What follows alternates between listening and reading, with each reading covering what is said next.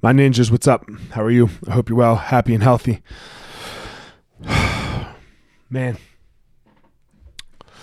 there's this saying, right? That we all love a winner. Right? It's great. I don't I don't know who said this first. It's great.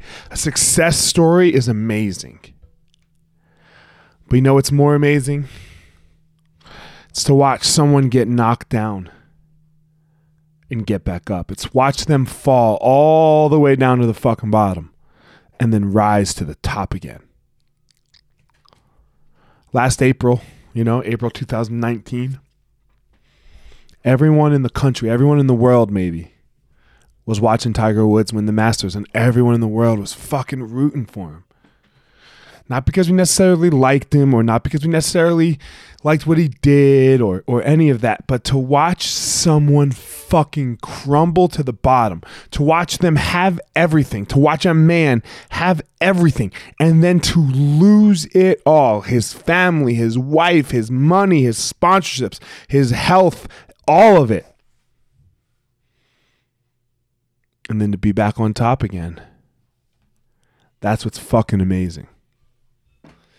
And for some of us right now, we're knocked down to the bottom, right? This whole everything coronavirus, Black Lives Matter, right? This whole protest, police brutality. Some of us have been knocked all the way the fuck down. It's time to get up and fight, motherfuckers. It's time to have that story. It's time to get up off the goddamn canvas and keep fighting. Put your fucking hands up and keep fucking fighting. You get to choose whether that's your story or not. You get to choose whether or not you're going to take that fucking 10 count or you're going to get up and fucking fight. No one no one no one's stopping you. And no one else is going to choose it for you. No one else can do it for you. It's all for you. And when you make that choice, when you make that choice to fucking get up, it doesn't matter if you win the fight. Nobody's going to care if you win the fucking Masters like Tiger Woods did. But just the fact that you got up I know a lot of you listening to this are a little are my age and you have kids. Your kids are going to say, "God damn, my mom or my dad, God, that was a fucking rough time and look what they did. Look look what they did."